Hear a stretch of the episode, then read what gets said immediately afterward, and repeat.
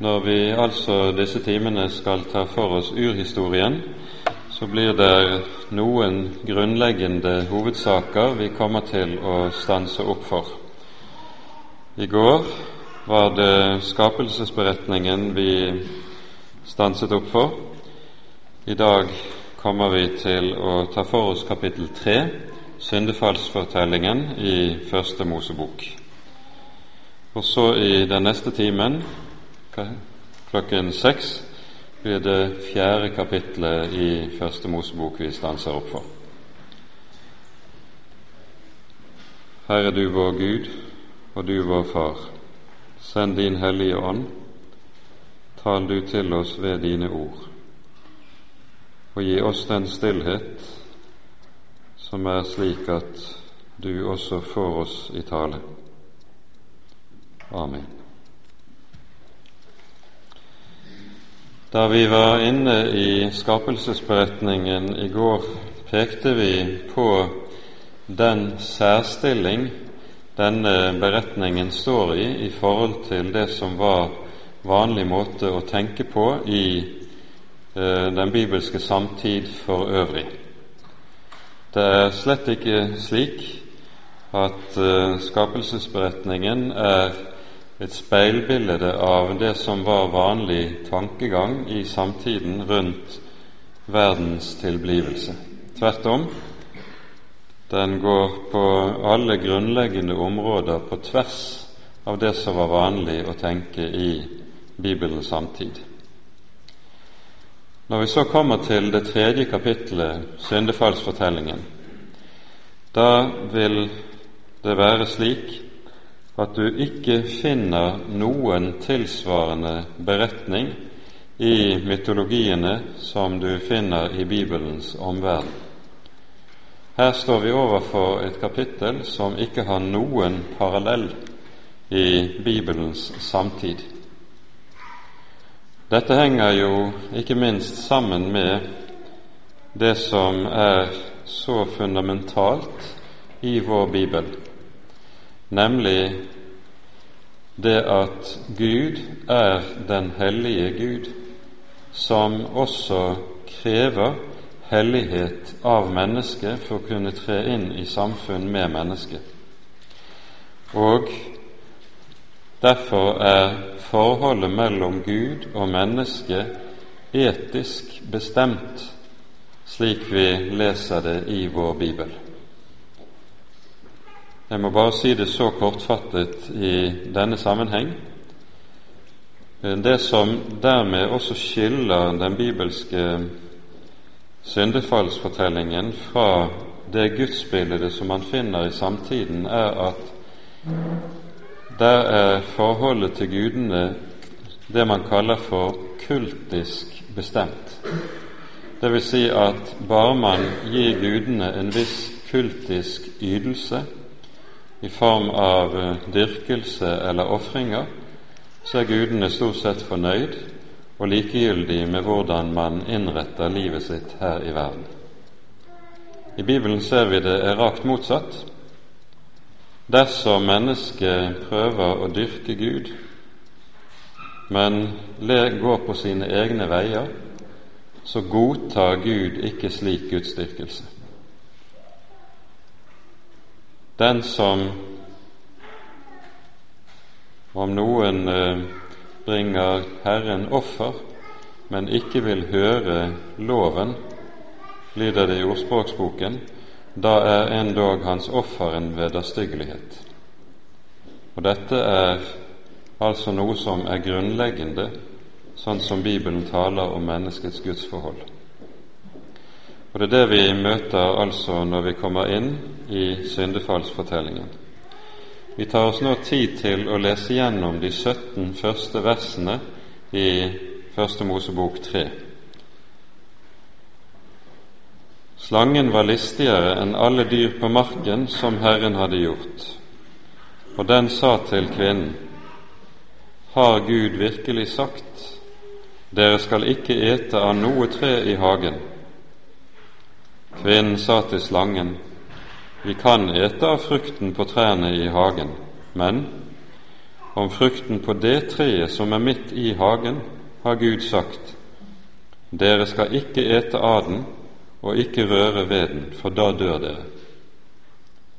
Da sa slangen til kvinnen, Dere kommer slett ikke til å dø, men Gud vet at den dagen dere eter av det, vil øynene deres åpnes, dere vil bli slik som Gud, til å kjenne godt og ondt. Kvinnen så nå at treet var godt å ete av, og at det var en lyst for øynene, et prektig tre siden det kunne gi forstand. Så tok hun av frukten og åt. Hun ga også sin mann, som var med henne, og han åt. Da ble begges øyne åpnet, og de skjønte at de var nakne. Så flettet de sammen fikenblad og bandt dem om livet. Og de hørte Herren Gud da han kom vandrende i hagen, da dagen var blitt sval og Adam og hans hustru skjulte seg for Herren Guds åsyn mellom trærne i hagen. Da kalte Herren Gud på Adam og sa til ham, Hvor er du? Han svarte, Jeg hørte din røst i hagen, og da ble jeg redd, fordi jeg var naken og jeg gjemte meg. Da sa han, Hvem har fortalt deg at du er naken? Har du ett av treet jeg forbød deg å ete av? Adam sa, Kvinnen som du ga meg til å være hos meg, hun ga meg av treet, og jeg åt. Da sa Herren Gud til kvinnen, Hva er det du har gjort? Kvinnen svarte, Slangen dåret meg, og jeg åt. Da sa Herren Gud til slangen, fordi du gjorde dette, skal du være forbannet fremfor alt fe og fremfor alle markens dyr. På buken skal du krype, og støv skal du ete alle ditt livs dager. Fiendskap setter jeg mellom deg og kvinnen, mellom din ett og hennes ett. Han skal knuse ditt hode, og du skal knuse hans hæl. Til kvinnen sa han, Jeg vil gjøre din møye meget stor i ditt svangerskap. Med smerte skal du føde dine barn. Til din mann skal din attrå stå, og han skal råde over deg. Og til Adam sa han, fordi du lød din hustrus røst og åt av treet som jeg forbød deg å ete av, skal jorden være forbannet for din skyld. Med møye skal du nære deg av den alle dine levedager. Tårn og tistel skal den bære deg, og du skal ete av markens vekster. I ditt ansikts sved skal du ete ditt brød, inntil du vender tilbake til jorden, for av den er du tatt. Støv er du, og til støv skal du vende tilbake.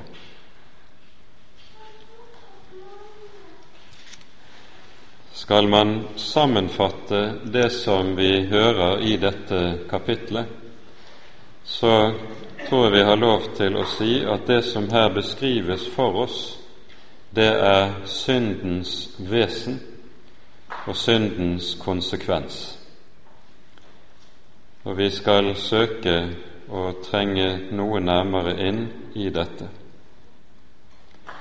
Det hele begynner med at slangen oppsøker Eva med å stille et spørsmål.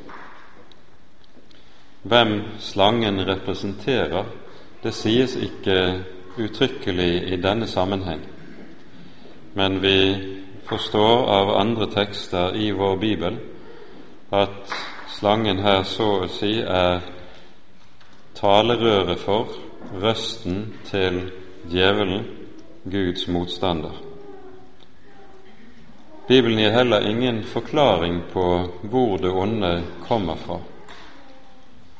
Vi forstår kun at dette er noe som dukker opp i den skapte verden i form av et målbevisst opprør mot Han som er Gud, som er Herre, som er Skaper. Og opprøret begynner tilsynelatende ganske så troskyldig med et spørsmål. Har Gud virkelig sagt dere skal ikke ete av noe tre i hagen? Og Det som dette spørsmålet da refererer seg til, er det Herren har sagt i forut i det andre kapittelet, når vi hører om de to trær som plantes midt i Edens hage, livets tre og treet til kunnskap om godt og ondt. Der legges det også ned et forbud mot å ete av kunnskapens tre. Det er ingen forklaring på dette forbudet. Det bare settes frem for Adam enkelt og tydelig. For den dag du eter av treet, skal du døden dø, står det i ordrett etter grunnteksten. Det Gud har gitt Adam, er altså en befaling uten forklaring. En befaling som Adam i og for seg ikke har forutsetning for å forstå. Han har så å si bare fått et nakent ord fra Gud å holde seg til, og det er det prøven også går på.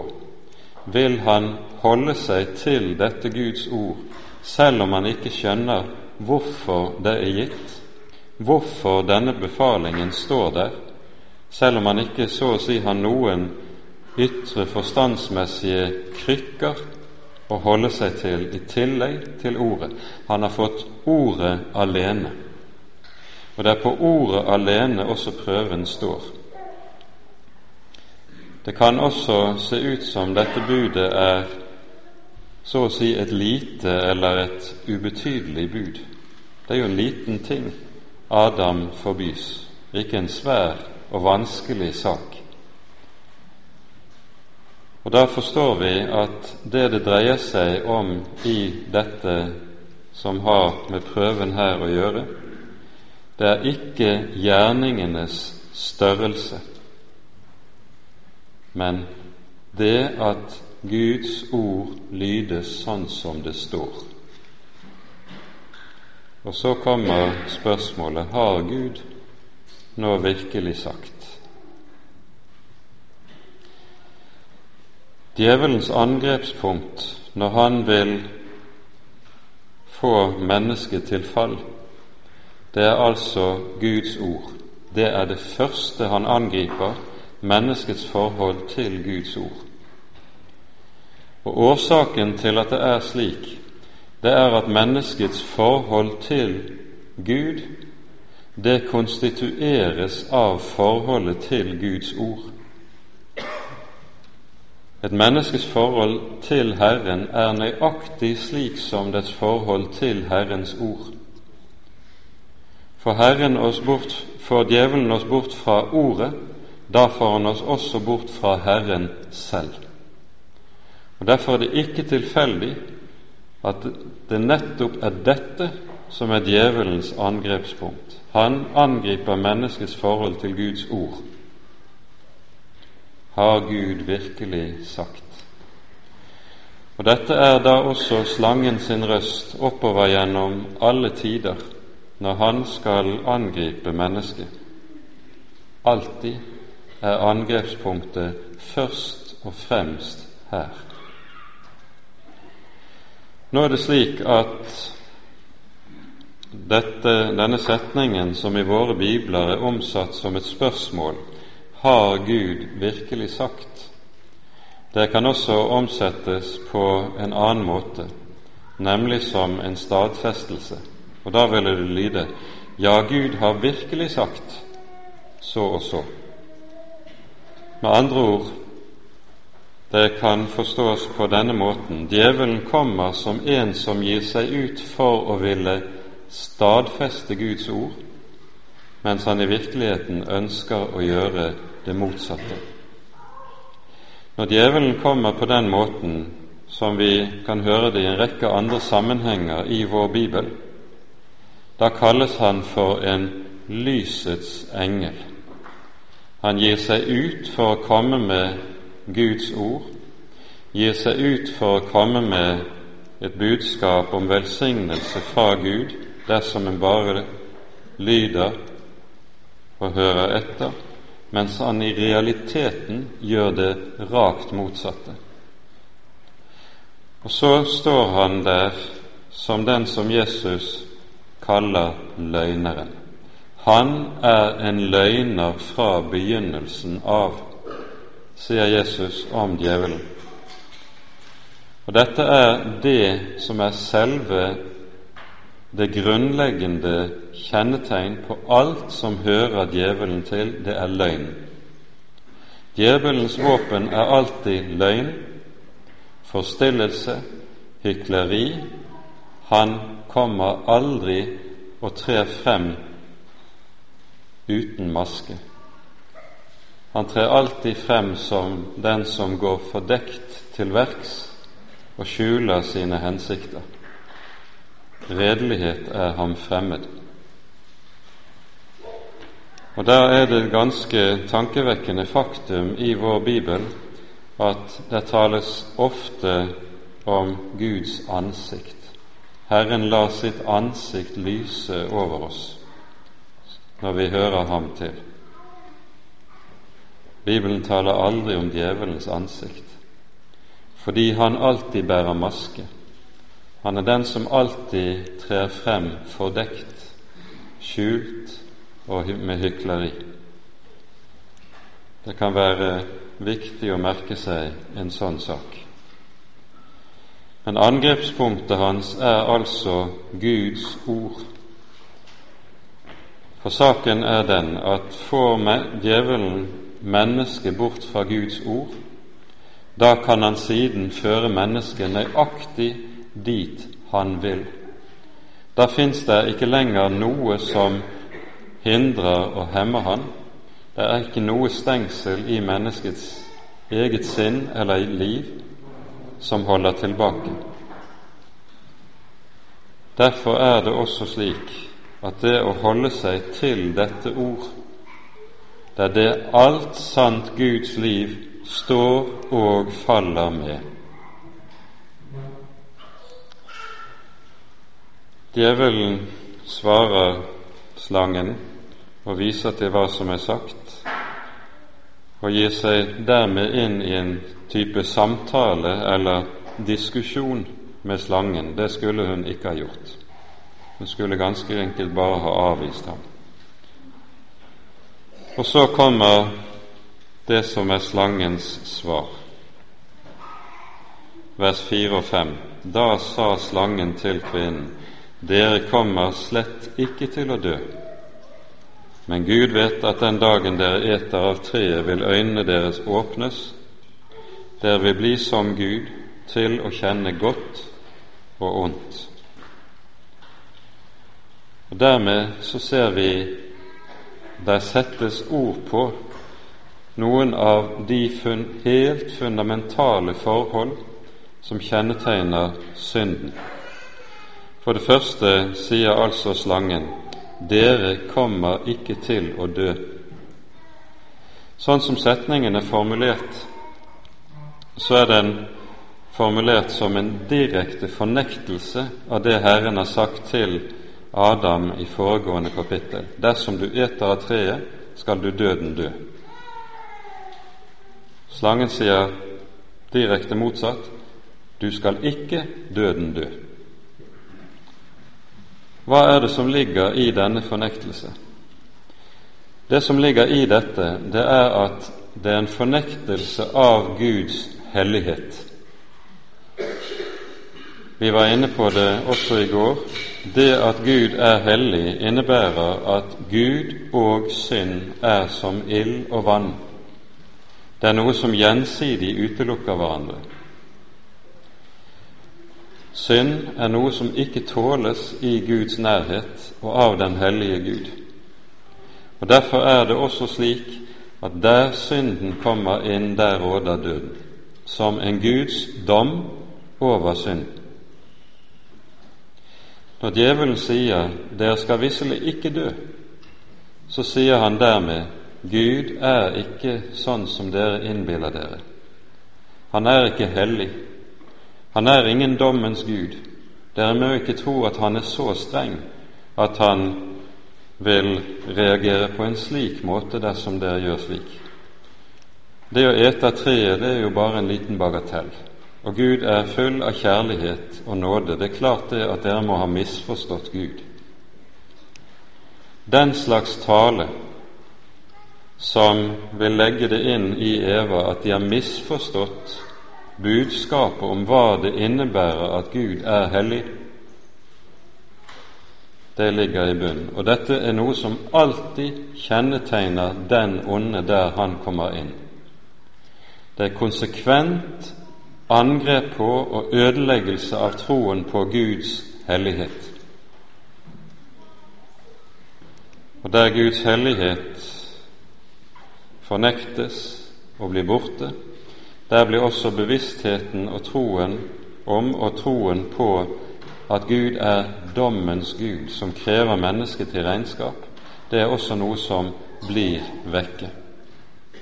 Derfor ser vi at nettopp denne røst, den er den som går igjen konsekvent hos de falske profeter som vi senere møter i Den hellige skrift. De avviser nettopp dette grunnleggende, at Gud er dommens Gud. Og så sier Herren gjennom profeten Jeremias til dem av den grunn at disse er slike som styrker de ondes hender.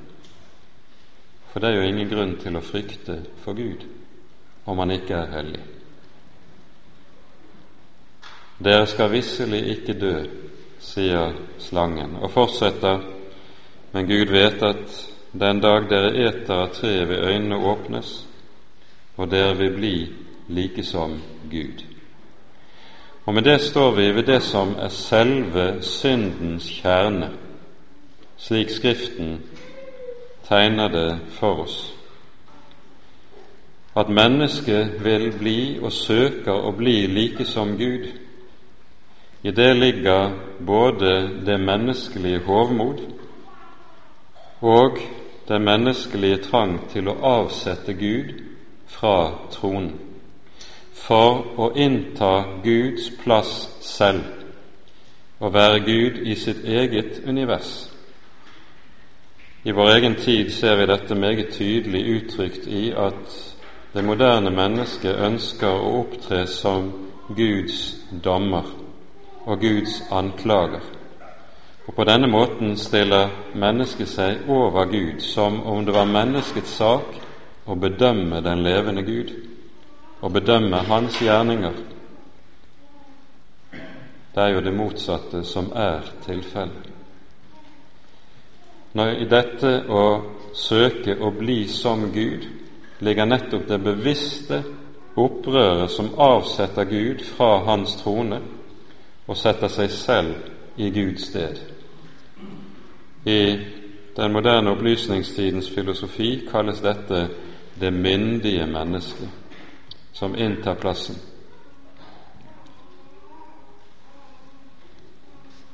Sammen med denne type overmot, selvforgudelse, ligger det som sies her dere vil bli like som Gud til å kjenne godt og ondt. Når mennesket vil være Gud, så vil det selv bestemme over hva som er godt og ondt. Og det vil, finner seg ikke i å ha en Gud som står der og taler til meg og forteller meg hva jeg skal gjøre og ikke gjøre, hva som er godt og hva som er ondt. Og slik har store deler av religionshistorien nettopp bestått i menneskets krangling med Gud nettopp om hva som er godt og ondt. En vil ikke bøye seg for hva Han har sagt som er alle ting skaper, men selv avgjøre dette ettersom det passer oss i de ulike tider og ulike typer tidsånd. men å bestemme hva som er godt og ondt, det tilkommer Gud alene. Og for mennesket å innfinne seg etter sin plass, det er å bøye seg nettopp for at dette er Guds sak alene. Når Skriften taler om historiens avslutning, da hører vi om hvorledes synden får et herredømme over menneskeheten som den ikke har hatt noen gang tidligere i historien. Da skal til sist det mennesket tre frem som kalles syndens menneske, lovløshetens sønn, Antikrist. Og hva er den synd som skal kjennetegne ham fremfor noe? Jo, det sies han setter seg i Guds tempel og gir seg selv ut for å være Gud.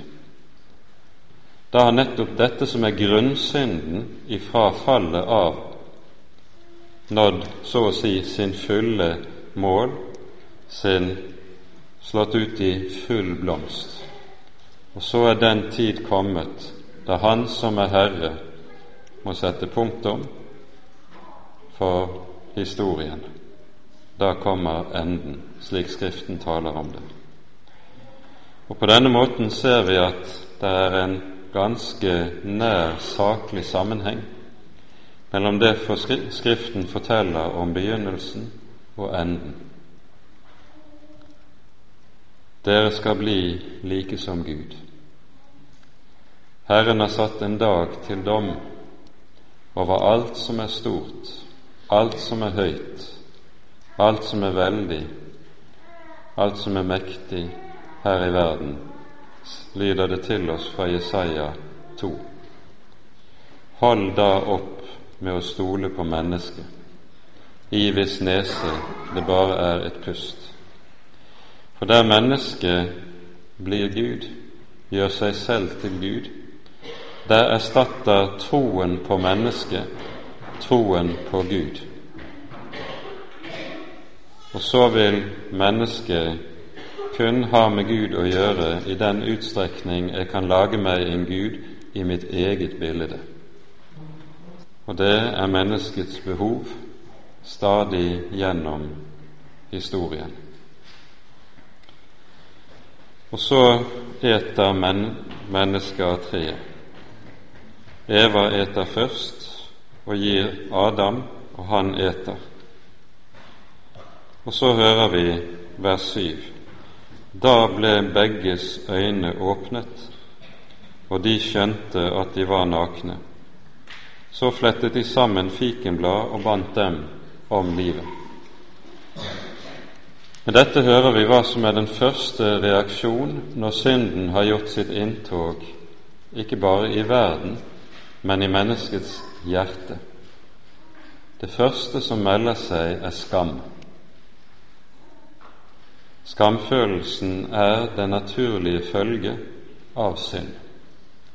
Og når mennesket skammer seg, så melder også alltid behovet for å skjule seg, dekke seg til, på ulik måte.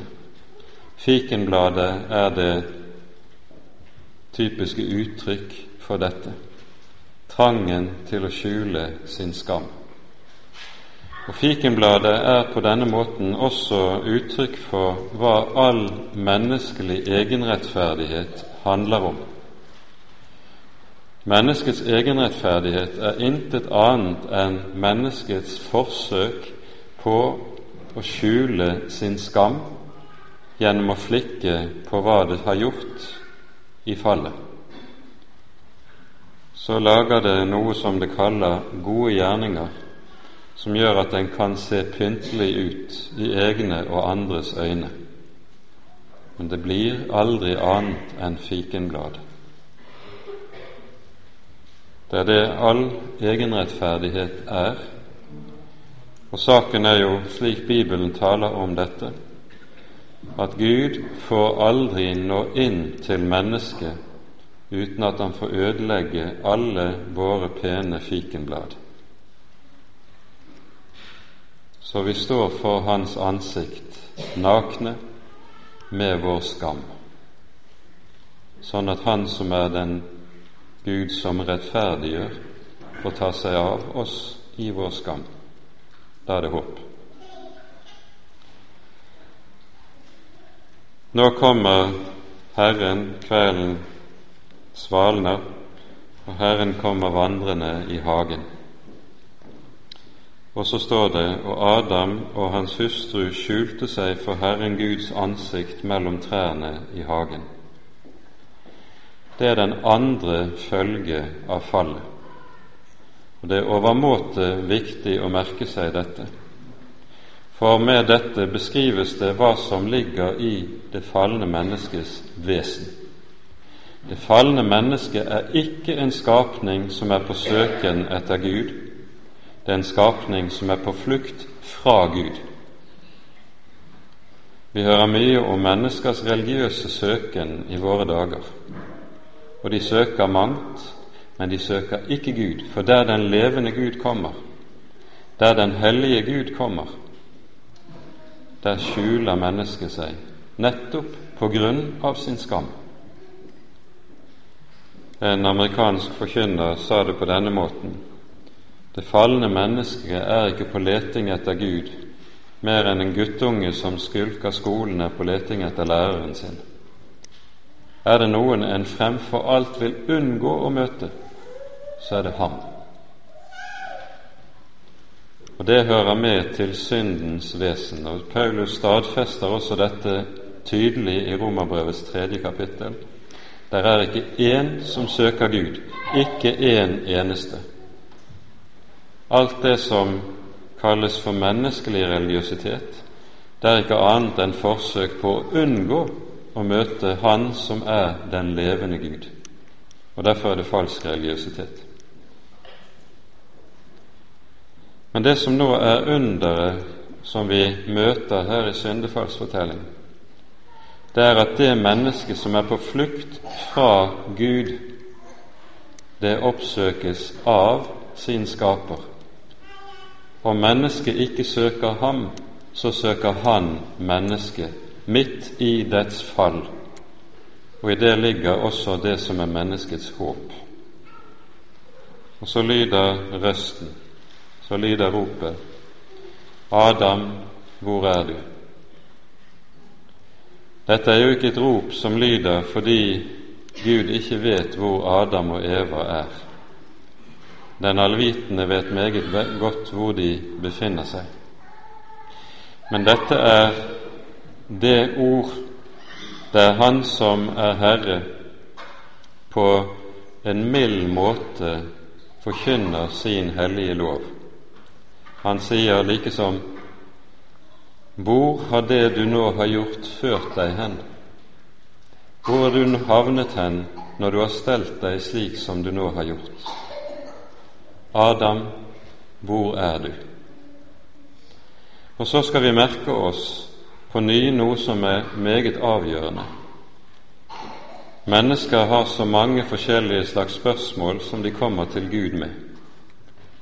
Ofte kan det være de merkverdigste spørsmål som man ønsker svar på. Men Gud når aldri inn til mennesket før mennesket lukker sin munn og lar Gud selv få lov til å stille sitt spørsmål til meg. Hvor er du? Hva har du gjort? Gud når aldri inn til et menneske uten at det spørsmålet blir hørt og besvart på ramme alvor. I dette ligger Guds søken etter sin falne skapning. Og i dette ligger budskapet om Guds nådes barmhjertighet mot den falne skapning. Han sender ikke Adam og Eva bort trass i deres fall, men søker å finne dem igjen, vinne dem tilbake redde dem. Og Så kalles de frem for ham. Og i Adams svar til Herren møt, ser vi noe av hvilken makt synden allerede har fått i hans liv.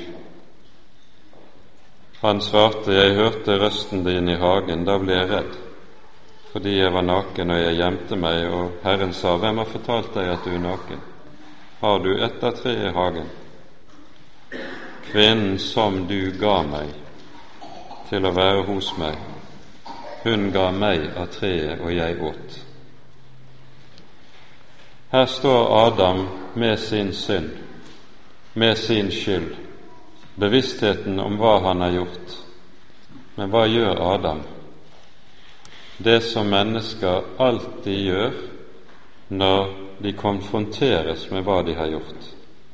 En vrir seg som en makk for å unngå å innrømme saken sånn som den virkelig forholder seg. En av de måtene en vanligvis gjør det på, det er å skyve skylden over på andre. Først skyver han skylden over på Eva, kvinnen som du ga meg. Det er egentlig ikke min skyld, det er hun som ga meg. Men dypet i fallet kommer enda mer til uttrykk i at i dette ligger det også et anklage mot Gud selv. Kvinnen som du ga meg. Han sier med andre ord indirekte til Gud det er din skyld at dette har skjedd.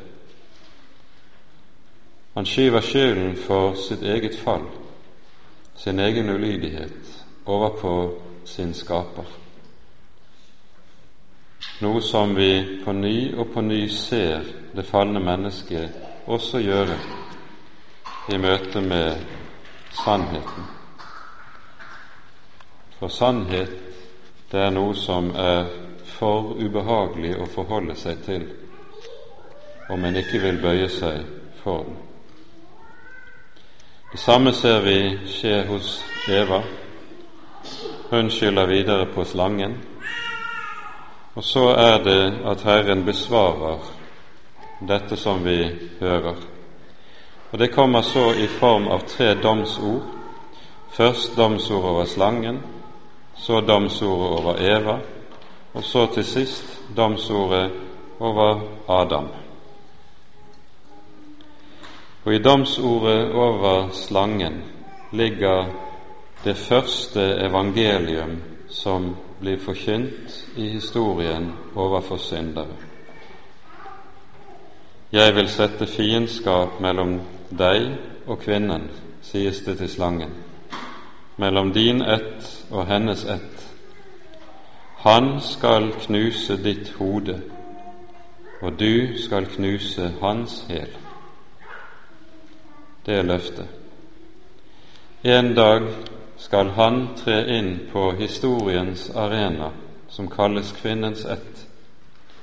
Han skal knuse slangens hode, dvs. Si, gjøre ende på djevelen og hans makt gjøre ende på synden med alle dens konsekvenser. Det er løftet som Gud forkynner allerede her på fallets dag. Gud lar ikke natten falle på over disse to som er falt ned i mørket, uten å gi dem et løfte, og med dette løftet også gi dem et håp inn i fallets verden. Domsordet over slangen er det første evangelium som lyder i vår bibel. Evangelium til falne syndere. Og vi får også en antydning av hvordan dette frelsesverk skal fullbyrdes gjennom at han som knuser slangens hode, selv skal såres og skades gjennom dette verk. Det skal koste ham meget. Hva det skal koste, får vi senere, vite senere hen i Bibelen, men her er det allerede antydet.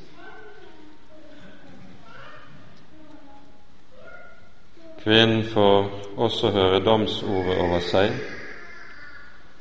Hun rammes i den funksjon som er så grunnleggende.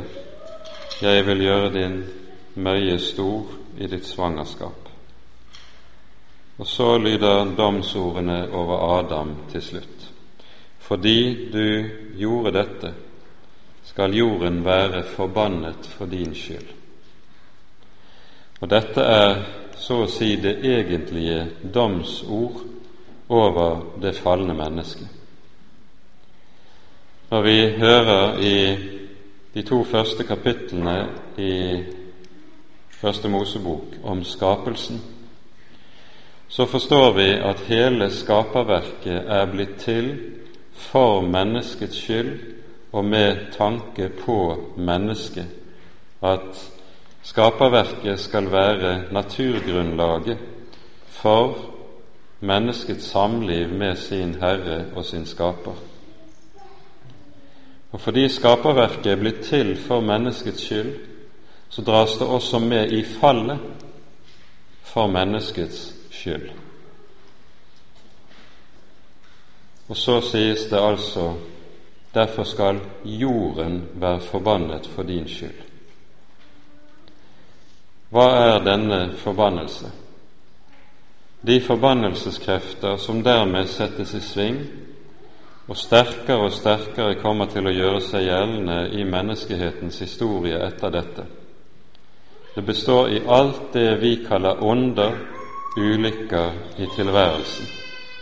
Sykdom, ulykker, naturkatastrofer og annet slikt som er onder, det hører med til forbannelseskreftene som kommer til å råde i fallets verden. Hele naturlivet underlegges disse krefter, og de kommer til å være virksomme så lenge som denne verden står. Og så kunne man spørre, når man ser tilbake på den historie som mennesket har hatt i vår verden, en historie med så uendelig meget lidelse, hvordan kunne Gud gjøre slikt? Til det er det å svare at også den forbannelse som Gud legger inn over vår verden, den er til menneskets gagn. Hvorfor?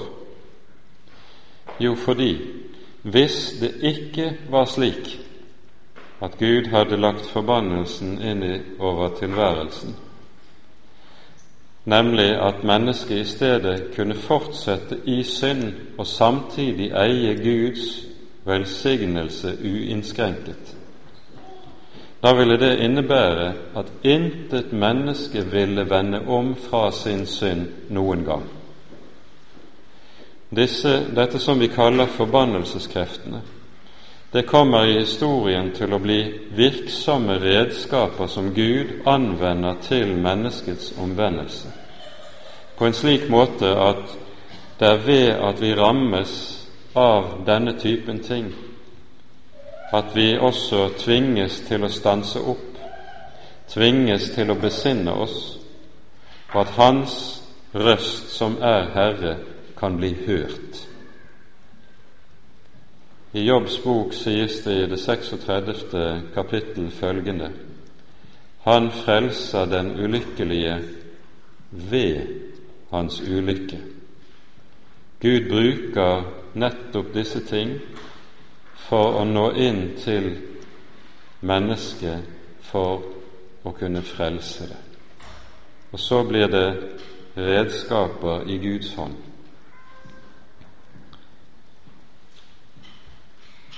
Disse forbannelseskreftene spiller den bestemte rolle i historien at der synden vokser i makt, der vil også disse kreftene vokse i makt.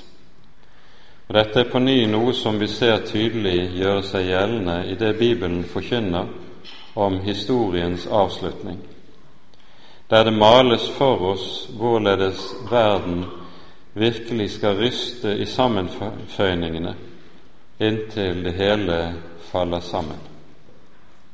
Det henger nettopp sammen med at synden henimot historiens avslutning har vokst, vokst slik i makt og herrevelde at forbannelseskreftene også vokser tilsvarende. Det er dette som er bakgrunnen for meget av det vi leser i Jesu endetidstale i Matteus 24 og i Johannes' åpenbaring. Sammen med at forbannelsen kommer til å ramme jorden, rammes mennesket av døden. Og med det tar, Når Bibelen slik taler om døden i denne sammenheng, menes det døden i trefoldig mening. Først døden i betydningen den fysiske eller legemlige død. For det andre også det som kalles for den åndelige død. Et uomvendt menneske er det Bibelen kaller for åndelig død. Og det må, for at vedkommende skal komme til liv i Gud, så må det en oppvekkelse av de døde til. Og Så taler Skriften til sist også om den evige død som en mulig konsekvens av å følge av syndens herredømme i menneskets liv. Det er for å redde mennesket fra dette at Gud gir løftet om Han som er kvinnens sæd og skal knuse slangens hode. Utgangen på kapittel 3 beskriver for oss hvordan Gud gjør to bestemte handlinger. Fikenbladene som mennesket prøvde å lage seg selv, de kastes vekk, og Gud kler selv mennesket i en kjortel som Han har gjort i stand for dem. Noe som er et meget talende bilde på forskjellen mellom at mennesket selv prøver å flikke på sitt fall ved ulike slags fikenblader, det som er egenrettferdigheten, og det at Gud trer inn i stedet og kler mennesket i en fullkommen drakt som holder og som bærer. Det andre er at mennesket vises ut av hagen fordi adgangen til livets tre skal stenges. Mennesket skal ikke leve evig med synd, og derfor stenges veien til livets tre. Og Herren setter kirubene med det lune sverd til å vokte adgangen til livets tre. Det som i Bibelen svarer til det vi her hører, det er noe som vi senere møter igjen ved to avgjørende punkter i vår bibel. For vi hører om kirubene i en bestemt annen sammenheng i vår bibel. Når tempelet reises, tabernaklet slik som vi hører om det i annen Mosebok, så settes det opp et forheng mellom det hellige og det aller helligste i helligdommen. Og på det forhenget som skiller det hellige fra det aller helligste, var det avbildet nettopp to kjeruber, de som stengte veien til livets tre. Dette symboliserer jo at adgangen til Gud, adgangen til himmelen, adgangen til livet, adgangen til evigheten er stengt på grunn av synden. Og så står kirubene med det luende sverd og stenger veien. På langfredag hører vi at idet vår Herre Jesus utånder, så revner forhenget fra øverst til nederst. Nettopp det forheng der kjerubene var avbildet, til å minne om nettopp det at adgangen var stengt. I Kristi død åpnes den vei som var stengt. Så ved Hans blod og ved Hans lidelse er veien til livet åpnet på ny. Veien til Gud, veien til himmelen, er stilt åpen. Det er innviet oss en ny og levende vei i Kristi blod. Og så peker det siste vi hører i dette kapitlet, frem mot den dagen da Han som knuser slangens hode, har fullbyrdet sin gjerning. Ære være Faderen og Sønnen og Den hellige ånd, som var og er og være skal, en sann Gud, høylovet i evighet. Amen.